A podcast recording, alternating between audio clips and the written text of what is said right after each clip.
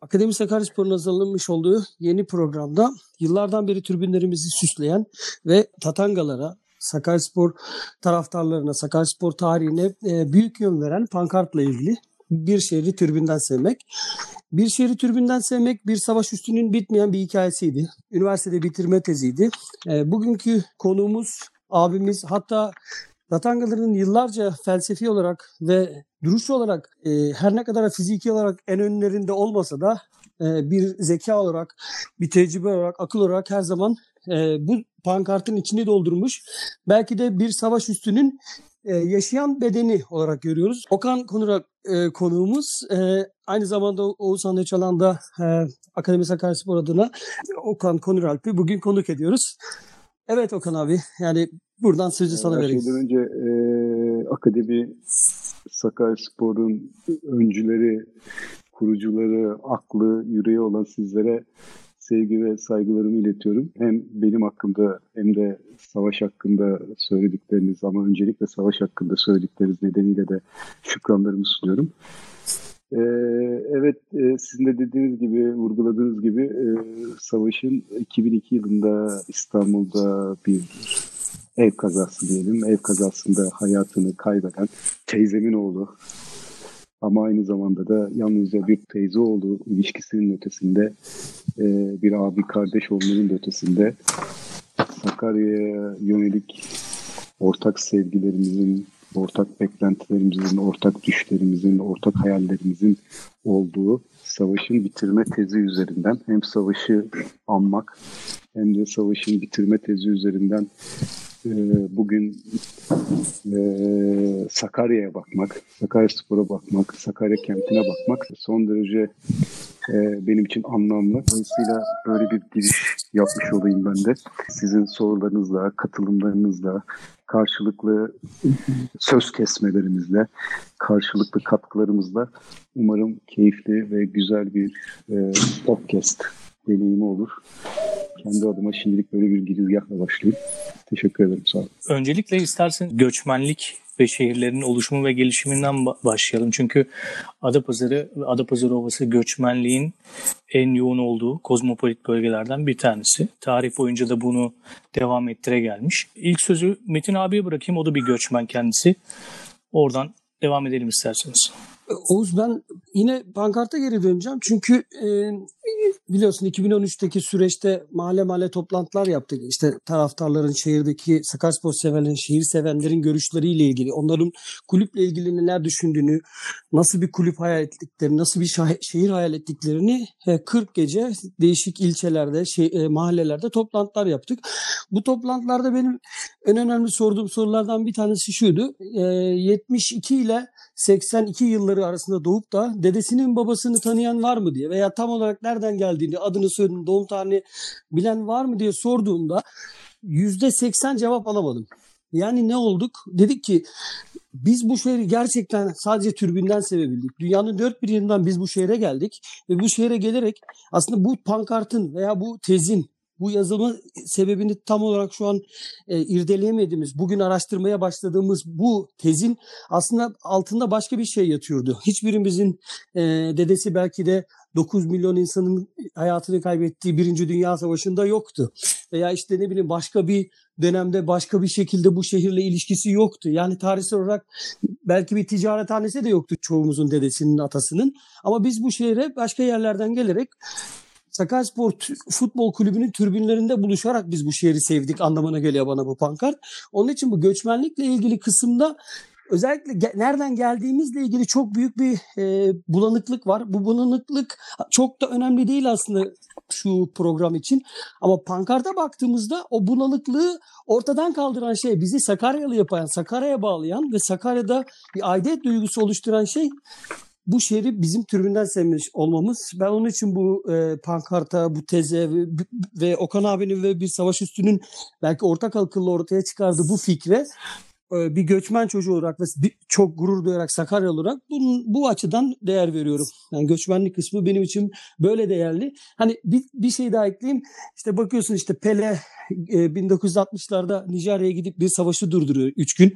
İşte başka bir yerde birileri İran'da işte kadınlar stadyumlara giremezken e, 1998'deki Dünya Kupası'ndaki başarıyla birlikte bu e, baskı ortadan kaldırıp kadınlar statlara girebiliyor. Sakarya'da da şöyle bir şey olmuş. Belki bir savaş durdurulmamış belki bir ne bileyim bir akım e, başlatılmamış ama e, bütün insanları birleştiren bir e, olgu olmuş Sakaryaspor tribünleri futbol ve şehri sevmenin bir yöntemi olmuş. Onun için e, pankart da bu anlamda önemli, futbol da bu anlamda önemli, kulüp de bu anlamda önemli, aidiyet duygusu. Ben göçü şu anlamda anlamlı buluyorum. Göç eden kişinin yani göçmenin yeni yerleşkelerin de yeni yerleştiği bölgelerde bir kimlik oluşturmasıyla ilgili sporun bize bıraktığı miraslar var, izler var tarihi açıdan. Göçlerin dünya tarihini oluşturduğunu, coğrafik tarihi oluşturduğunu düşünürsek Adapazarı'nda da aynı şekilde göçmenlerin spor faaliyetleriyle bir bulundukları yeni yerlerde kimlik oluşturmaları ile ilgili bir belki bir bağlantı yapabiliriz. Öyle değil mi Okan abi? Yani sen ne demek istersin? Bu göçün e, kültürel kimlik oluşturmasıyla bir ilgisi var mı? Şimdi belki e, bu sohbet dizi, dizimizin ilerleyen bölümlerinde daha detaylı e, değiniriz bu konulara ama şöyle ki yani bu konuya derken e, Savaş Sakarya Üniversitesi e, Beden Eğitimi ve Spor Bölümü öğrencisiydi e, ve bitirme tezi arayışı içerisindeydi. Dolayısıyla bir beden eğitimi bölümü spor öğrenci, beden eğitimi bölümü öğrencisi açısından e, o döneme kadar e, bir takım klişeleşmiş diyelim bir takım test konuları vardı. Fakat Savaş e, farklı bir perspektifle acaba bir tez yazabilir miyim düşüncesiyle yola çıktı. O da şuydu. Biraz işte senin de bu bölümün konusu olan e, biraz bir kent sosyolojisi, e, bir kent tarihi, kent kültürü üzerinden spor kültürünü birleştirmek mümkün mü sorusuyla başlamıştı. Haliyle bu noktada bir şehrin tribünden sevileceği, bir şehrin tribünden sevmek mottosuyla e, bir spor sosyolojisi Dolayısıyla kent sosyolojisi ve spor kültürünü, spor sosyolojisini birleştiren bir tez yazmak için yola çıktı. Bu noktada bir kent şehri tribünden sevmek imgesi haliyle merkezinde Sakaryaspor'u ve Sakaryaspor'un tribünlerini oluşturan, o dönem yeni yeni kökleşmeye başlayan tatangalar üzerinden e, kenti tanımak, anlamlandırmak, kentle e, tribün üzerinden kurulan ilişkiyi, kentle takım üzerinden kurulan ilişkiyi, kent ve takım ve kent üzerinden, tribün üzerinden takıma bakmak ve takımı anlamlandırmak pratiği üzerinden bir tez yazma çalışmasına girmişti. Tamamlayamadı. İşte konuşmamızın başında da söylediğim gibi İstanbul'da bir ev kazasında sonucunda hayatını kaybetti.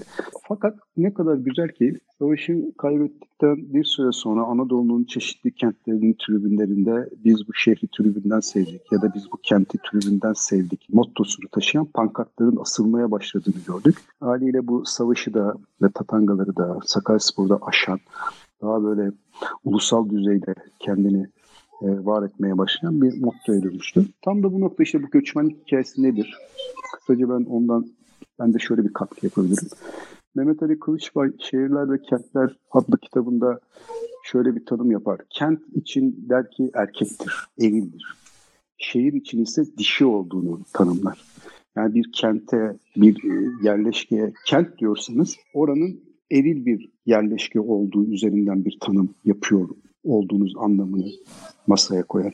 Bir kent, bir yerleşkeye şehir diyorsanız, orayı bir şehir olarak nitelendiriyorsanız, oranın da bir dişi bir yerleşke olduğu anlamını oraya atfettiğinizi ifade eder. Ben bu şeye katılırım. Bu bağlamda Adapazarı tam da bu göçmenlik bağlamında nasıl bir yerleşkedir diye sorduklarında ben Adapazarı'nı bir şehir olarak yani dişi bir şehir olarak tanımlarım. Yani dişilik, anaçlık, kuşatan, e, kucaklayan, bağrına, sinesine alan, e, üreten, çoğaltan e, bir yerdir. Ne, neden böyledir? Coğrafi olarak da böyledir.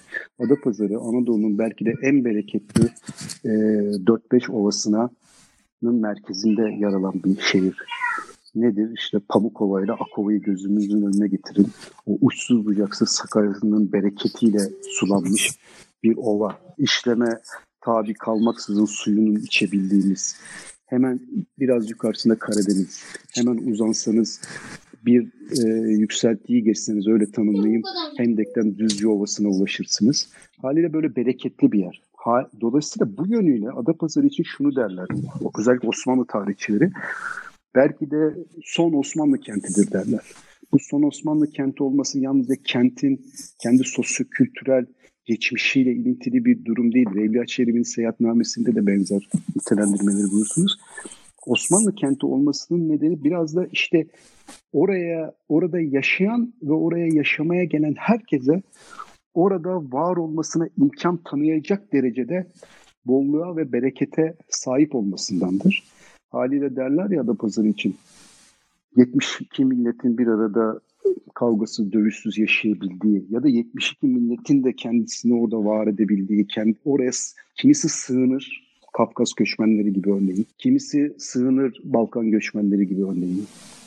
Ee, yüzyılın başındaki Osmanlı'nın son döneminde yaşanan o göçlerle ilintili olarak. Kimisi gelir, çalışmaya gelir. Emek için, emek ağırlıklı bir organizasyonun parçası olmaya gelir. Nedir? Çünkü Cumhuriyet'in ilk başında orada ve sonrasında kurulan fabrikaları düşünün. O fabrikalarda çalışmaya gelir. O fabrikaların çevresinde oluşmuş yan sanayinin bir parçası olmak için oraya gelir. Haliyle çok kültürlüdür. Yerlidir ama bir o kadar da çok kültürlüdür. Haliyle yerliler göçmenlerle aralarında zaman zaman bir takım esprileri, hikayelere de neden olabilecek şekilde zaman zaman bir takım gerilimler olsa da o gerilimlerin hemen hepsi kısa süreli ve kendi içerisinde her birini bir süre sonra ada pazarlılığa dönüştüren, ada pazarlık kılan bir bereket, doğrusu bir anaçlık, bir dişilik vardır pazarı içerisinde. Sait Faik der ya, hikaye peşinde attığı e, öyküsünde mealen söylüyorum. Sorar nereye gidiyorsun diye ada pazarına der. P'yi B gibi söylemesinden bizim oraların yabancısı evet. olmadığını anladım der. İşte ada pazarı bizim için P'nin B gibi söylendiği ada pazarıdır. Haliyle ada bu biz, bu, biz bugün Sakaryaspor içinde konuşuyorsak ya da Adapazarı'nın diğer temel problemleri, güzellikleri, keyfi, yemeği, folkloru, sosyokültürel birikimiyle de ilgili konuşuyor olursak olup temelinde var olan gerçek şudur.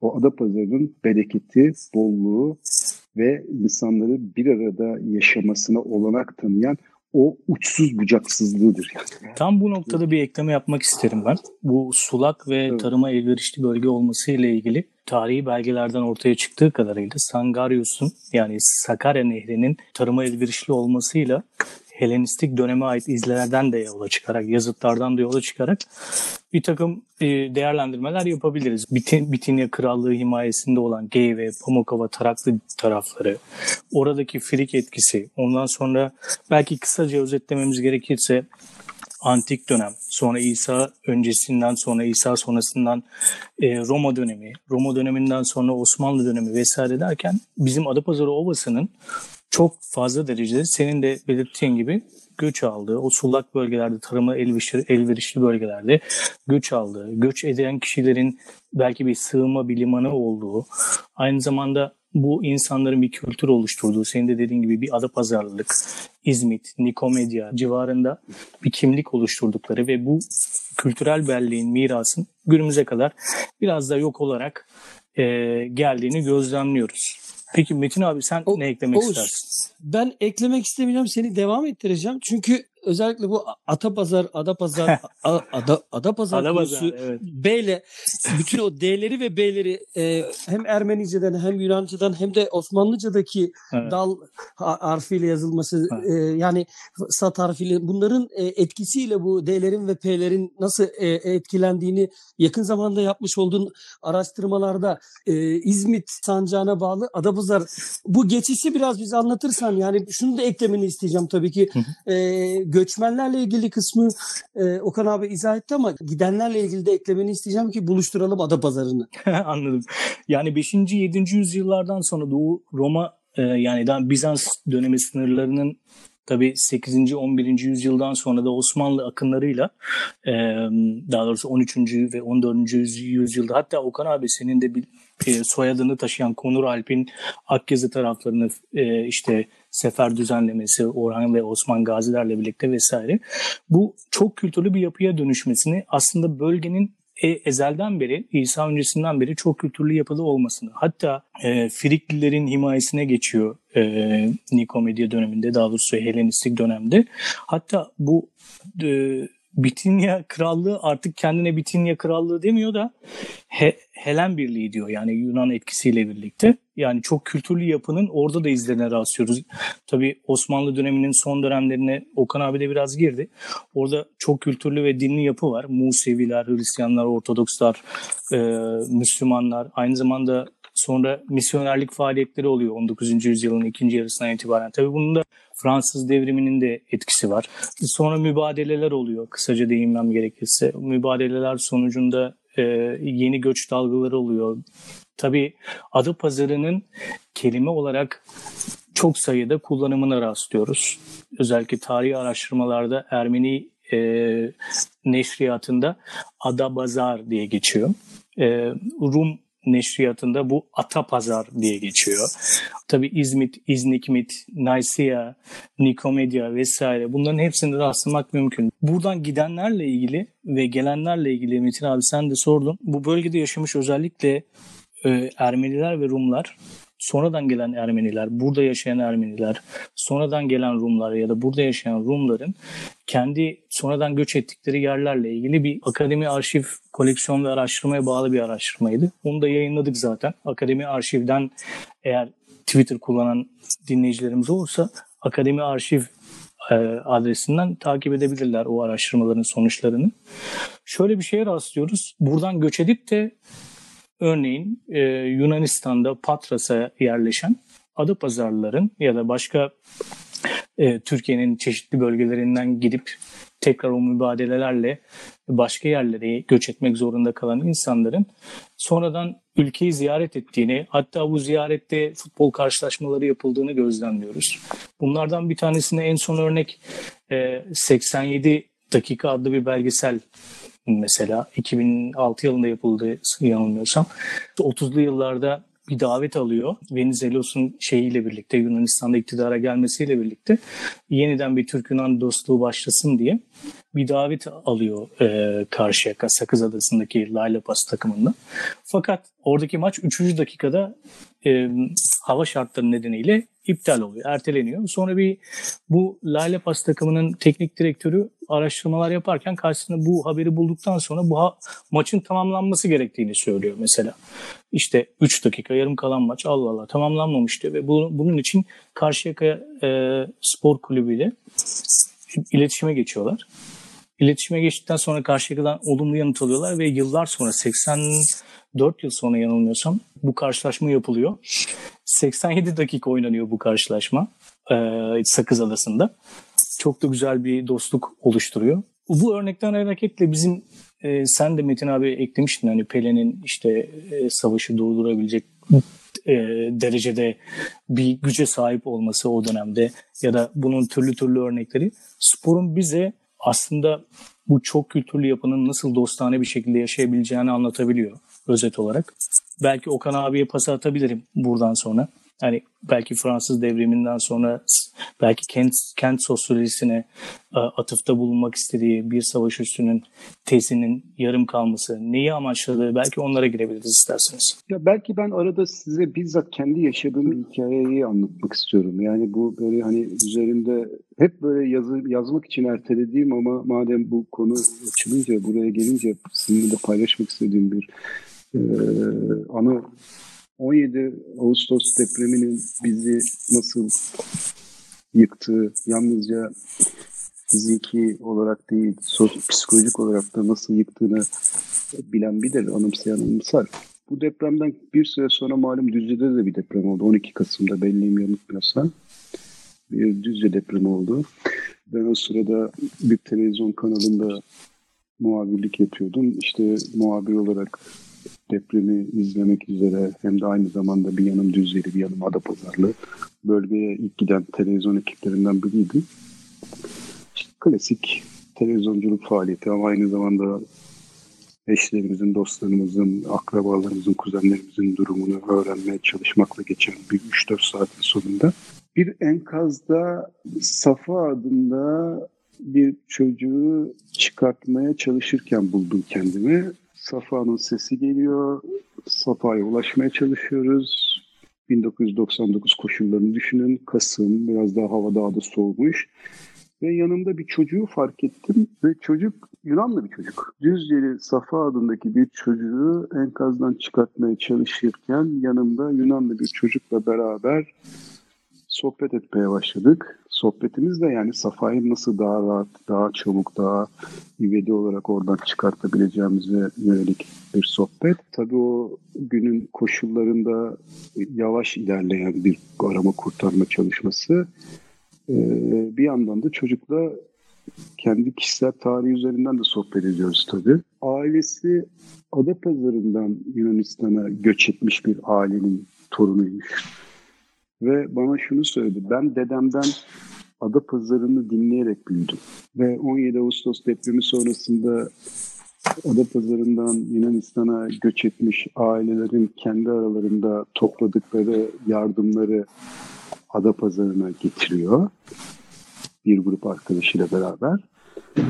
Daha sonra Düzce depremi olunca da yine o arkadaşlarıyla beraber Düzce'ye geliyor ve düşünün bir enkazda Adapazarı'ndan Yunanistan'a göç etmiş bir ailenin ve dedesinden, büyüklerinden Adapazarı'nı dinleyerek büyümüş bir çocukla Safa'nın kurtarma çalışmasında... Bir de ben buna ek yapabilirim Okan abi. Ee, geçenlerde araştırmalarda yine karşımıza çıkan e, belgelerden bir tanesinde şöyle diyordu. Ninem son nefeslerini vermeden Adapazarı'na gitmek istedim. Onun memleketi olan Adapazarı'na.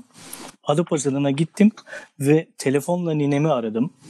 Ninem ölüm yatağındayken, ölüm döşeğindeyken Adapazarı sokaklarını kendisine anlattım diyordu. Yani e, aynı zamanda Atapazar adlı bir e, oluşumla karşılaştık. Adapazarı'ndan göç etmiş Rum kökenli vatandaşların torunlarının kurduğu bir kurum Yunanistan'da. Aynı zamanda e, Amerika'dan bir hikayeyle karşılaştık. 100 yıllık yürüyüş, 100 yıllık göç olarak çevirebileceğimiz kitabın yazarı e, Amerika'da gazetelere ilan veriyor ve Adapazarı'ndan göç etmiş insanların isimlerini vererek bu kişilerin akrabaları varsa ben görüşmek istiyorum kendileriyle sözlü tarih yazımı ile ilgili kendi projemle ilgili diye. Bunun da kitabını çıkartıyor. E, hatta kitap elimizde de var. Türlü türlü e, izlerine rastlayabiliyoruz Adapazarı'nın göç hikayelerini. Evet mesela Yunanistan'da şöyle bir gelenek vardır yakın zamana kadar. Hala öyledir. Yani böyle bir yani hem sözlü tarih çalışmaları hem de tarihçileri e, artık üstünde uzlaşı sağladıkları bir konudur.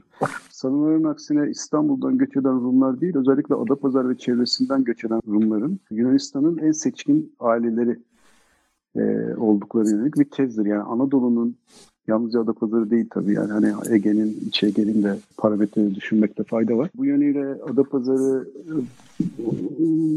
Rumlar açısından hem çok önemli ee, dediğiniz gibi Ermeniler açısından önemli. 1910'lu yılların e, tarih vererek yanıtmak istemem ama son Osmanlı nüfus sayımında da birçok toplam gayrimüslim nüfusunun Müslüman nüfustan daha fazla olduğunu hatta kabul etmek lazım. Yani bağımsızlık hareketi başladığında özellikle e, Ermeni isyanları başladığında da Adapazarı bu yönüyle de bir, bir yanıyla e, önemli merkezlerden biri de oluyor. Bu da Adapazarı tarihinin bir parçası. Ee, ama nihayetinde Adapazarı işte bu konuşmamın başında söylediğim gibi son Osmanlı kenti derken işte aslında kastedilen bu. Çok kültürlü, herkesin bir arada yaşadığı, yaşayabildiği, e, göçmenlerin de geldiklerinde özellikle Kafkas ve Balkan göçmenleri, göç, göçmen nüfusunun fazlalığını düşündüğünüzde e, hem bir İskan politikası olarak da tabii elbette e, Osmanlı İskan politikası olarak da e, Adapazarı bu yönüyle e, herkese kucak açan, açabilen açması için gerekli olan fiziki ve coğrafi koşulların da uygun olduğu bir yer. E, haliyle bu Adapazarı'nın e, genetiğini de harmanlıyor. Bir genetik çeşitliliği de var. Bu birçok konuda Adapazarı'nı tiyatroda, sporda, e, bugün pek çoğumuzun ilgilenenlerinin bildiği, e, ilgili olanların bildiği e, güzel sanatlarda, hatta akademik dünyasının belli e, alanlarında Adapazarı her zaman e, hem son Osmanlı'nın hem de genç Türkiye Cumhuriyeti'nin e, çevresiyle beraber önemli yerleşim bilimlerinden biri olmuş. eğitim kurumları açısından da önemli bir merkez Adapazarı ve çevresi. E, yalnızca e, Müslüman nüfus açısından değil yani gayrimüslim nüfus açısından da eğitim kurumları açısından da önemli bir merkez. Cumhuriyet dönemiyle beraber de evet uzun süre hizmetin bir nahiyesi olarak da konumlansa e, 1950'li yıllardan itibaren il olmasıyla beraber de Adapazarı, Sakarya e, hem sanayileşmesi açısından hem de bu, e, bu çok kültürlülüğü açısından Türkiye'nin önemli e, sanayi kentlerinden biri de oldu. Elbette İzmit'te Bursa ile karşılaştırılacak gibi değil ama e, kamu iktisadi teşebbüsleri açısından baktığımızda şeker fabrikası, vagon fabrikası, donatım gibi e, bazı örnekler çoğaltılabilir. E, bu yönüyle de Türkiye sanayi sektörünün önemli kentlerinden biri. Bu hal, bu durum da zaten bir göç almasına e, olanak tanıdı. Hem İstanbul'a yakınlığı, e, İpek yolunun önemli bir evet. kavşağında bulunması e, ve insanların hep kafasında göç olduğunda göç edilebilecek e, hem iklimi açısından ılıman, sakin bir e, tablo yarattı, koydu önümüze. Haliyle bu dolayısıyla mesela derler ya e, işte mesela yakın bir zamana kadar e, sporcu çeşitliliğinde Adapazarı'nın öncülüğü, sizin de Akademi Sakaryaspor e, konuşmaları kapsamında birçok örneği güreş, halter, futbol, basketbol birçok dallarda e, Adapazarı'nın öne çıkmasının e, en önemli nedenlerinden biri bu kültürel genetik çeşitliliği. E, aynı zamanda da o spor yapmak için gerekli olan kurumlu e, o boşluk, o rahatlık, ferahlık. Ya şöyle de özetleyebiliriz aslında herhalde. Hem göç edenler için hem de gidenler için Adapazarı'nın e, hem kendilerinde hem de nesillerinde büyük izleri var. Bunu diyebiliriz herhalde özet olarak. Buradan hareketle de Adapazarı Ovası'na yerleştirilen Selanik taraflarından, Vodina taraflarından Rumeli, Balkan göçmenlerinin olduğu ve e, sen de Metin abi bir nihayetinde bir Balkan göçmenisin yani ailende. E, bu göçmenliğin oluşturduğu kimlikle ilgili biraz e, ekleyeceklerin olur mu? Ya, ya da o kimliğin spora etkileri Şimdi, yerleştiği bölgedeki. Yani zaten yakın zamanda akademide yaptığımız çalışmalarda şunu görüyoruz. Yani ben özellikle Suriye'deki şu anki durumun e, işte 1900'lerin başında Adapazarı'nda yaşandığını düşünüyorum. Yani e, işte emperyalistlerin nasıl bugün Suriye'de ortalığı karıştırmak için oradaki hassas noktaları hareket ettiğini düşünüyorsam da Adapazarı'nda da hassas noktalar harekete geçirilmiş. İşte Rumların, Ermenilerin az önce Okan abinin de ifade ettiği gibi oluşturulan orada bir e, ayaklanmacı bir yapı da var. Şimdi spor da böyle gelişiyor aslında. Ermeniler güçlenmek için kendi spor kulüplerini kuruyorlar ki gençleri savaşa veya kavgaya hazır olsun diye. Ee, Osmanlı ve Türklerin olduğu e, mahallelerde de aynı şeyler yapılmaya başlanıyor. Bizim araştırmalarımıza baktığımızda Oğuz görüyorsunuz zaten. Onun için sportif yapının genetik olarak Sakarya'daki, Adapazarı'ndaki insanlarda var oluşu her ne kadar kültür çeşidi ve gen çeşitliliğinden olsa da bir de tarihsel olarak güçlü kalma ve mücadele etme zorunda. Fiziki olarak hazır olma durumu da e, bunu beraberinde getiriyor. E, ben az önce senin e, Rum e, babaannenin torunundan Adapazarı'nı dinleme hikayesinin e, farklı bir yönünü ben başka türlü yaşadım. Ben Adapazarı'na çok uzak değilim. Ben Novi Pazarlıyım. Onun için Adapazarı da bana çok e, uzak değil. Ben babaannemi 98 yaşında Novi Pazar'a götürdüm. Ve en büyük utancım hayatımda Novi Pazar'ın Saraybosna'da olduğunu yıllarca biliyordum. Öyle düşünüyordum. Yani nasıl bir şeyse, nasıl böyle bir hataya düştüysem biz Saraybosna'ya gittiğimizde e, e, Novi Pazar'ın Sırbistan'da e, Müslüman bir e, eyalet olduğunu anladık. Ve e, özel bir bölge. Ve bu şekilde şimdi babaannemde de Türk pasaportu var. Bende de Sırbistan'a bizim geçmemiz vizeli. Ben dedim ki Nana'ma, yani Nana demek istiyorum. Babaanne bana çok uzak bir kelime. Nano dedim nasıl yapacağız? Hani böyle böyle gitmemiz lazım. Ondan sonra İlk tabii iner inmez e, Ali İzzet Begoviç'in mezarlığına gittik. E, okuduğum bir hikayesi vardı. Sniper askerleriyle e, onu koruyan insanların şehit olduğu yere mezarın buraya konu anıt bile yapmayın dediği bir yer var. Çok e, yani sıradan bir mezar gibi kendisini onların arasında huzurlu hissedeceğini belirterek e, oraya gömdürmüş. Biz de oraya gittik ama bu sefer bizim köyümüzün Saraybosna'da olmadığını farkına vardık. Bosna'da olmadığımızın farkına vardık. Sırbistan'da Müslüman bir e, köyden geldi. Sienissa diye bir yerden geldiğimizi Novi Pazar'a bağlı bir köy. Neyse uzatmayayım. Ben e, Nano'ya dedim ki atlıyoruz otobüse gidiyoruz Sırbistan'a. Bizi boşnaklar geçir, geçirdiler Saraybosnalılar. E, dediler ki geçin vizesiz. Ama Sırp bölgesine geldiğimizde dediler ki bir dakika dur. Gecenin ikisi. Ondan sonra Sırplar rüşvet istiyorlar. Bende sadece İngiliz sterlini var bir de Türk parası var. İkisini de kabul etmiyorlar. Ondan sonra Nano'ya dedim ki Nano dedim ben şimdi boşnakça İngilizce bir şeyler anlatmaya çalışıyorum. Karşımdaki çok sert. Nano dedim bir dakika gel dedim. Nano'nun da bir hafif hafif Alzheimer başlaması var. 98 yaşında. Kar yağıyor. Sakarya Köprüsü gibi bir köprü. Gecenin bir vakti o sicim gibi karın altında Nano'yu otobüsten indirdim. Nano dedim sakin ol. Söyleyeceklerini bir kelime kelime tercüme et bu adama dedim. Memura dedi ki ben Nano'ya söylüyorum. Nano bir gün gece vakti çizdiğiniz sınırlardan şimdi birileri donlarla geçerken evet beni doğduğum topraklardan alıkoyamazsınız de dedim buna. Adam böyle bir anda bana baktı şimşek gibi. Ne diyorsun dedi. Nano dedim ver pasaportunu. Bir gösterdim Novi Pazar. Hala pasaport elinde paylaşabiliriz de akademi olarak. Bize 5 gün vize verdiler. Biz köyümüze gittik. Sabahın altısında kar yağış altında nano titremeye başladı. Ölecek zannettim ama içimde öyle huzur vardı ki ölecekse topraklarında ölsün huzuru. Öyle Siyanista top, e, mahallesinde gezerken köyünde bir anda bir tane adam elinde bir kovayla elinde işte kö, közlerle geliyor. Adam meğerse kahveyi açmaya gelmiş. Ondan sonra bir anda bizi görünce çarpılmışa döndü. Çok sakin bir köy. Biz otobüsten inmişiz. Her yer bomboş.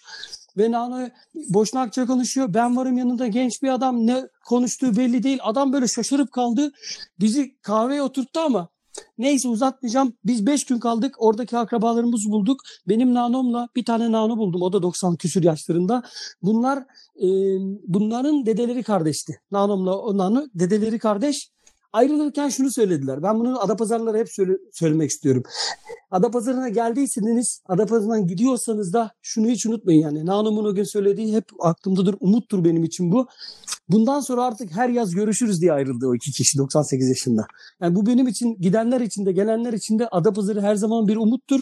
Ben e, hem programın bu bölümünü fazla uzatmadan çünkü diğer bölümlere konuşacak bir şeyimiz kalmayacak. Ee, Okan abiden bir şey rica edeceğim. Herkes bir savaş üstünü duydu. Herkes pankartı, herkes besteleriyle e, bu şehri türbünden sevmeyi anladı.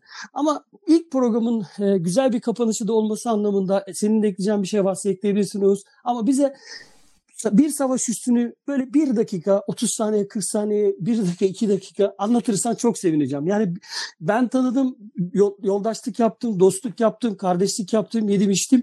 Ama bugün tanımayan, bugün Tatangaların gerçekten nereden bakması gerektiğini şehre, spora ve kulübe sadece şampiyonluklar peşinde koşan insanlar mı? Ancak bir şehri türbünden sevmenin neden önemli olduğunu birazcık bir savaş üstünü bize anlatarak yani nasıl ifade edeceğimi de bilmiyorum. Sevgilisi var mıydı? Seviyor muydu?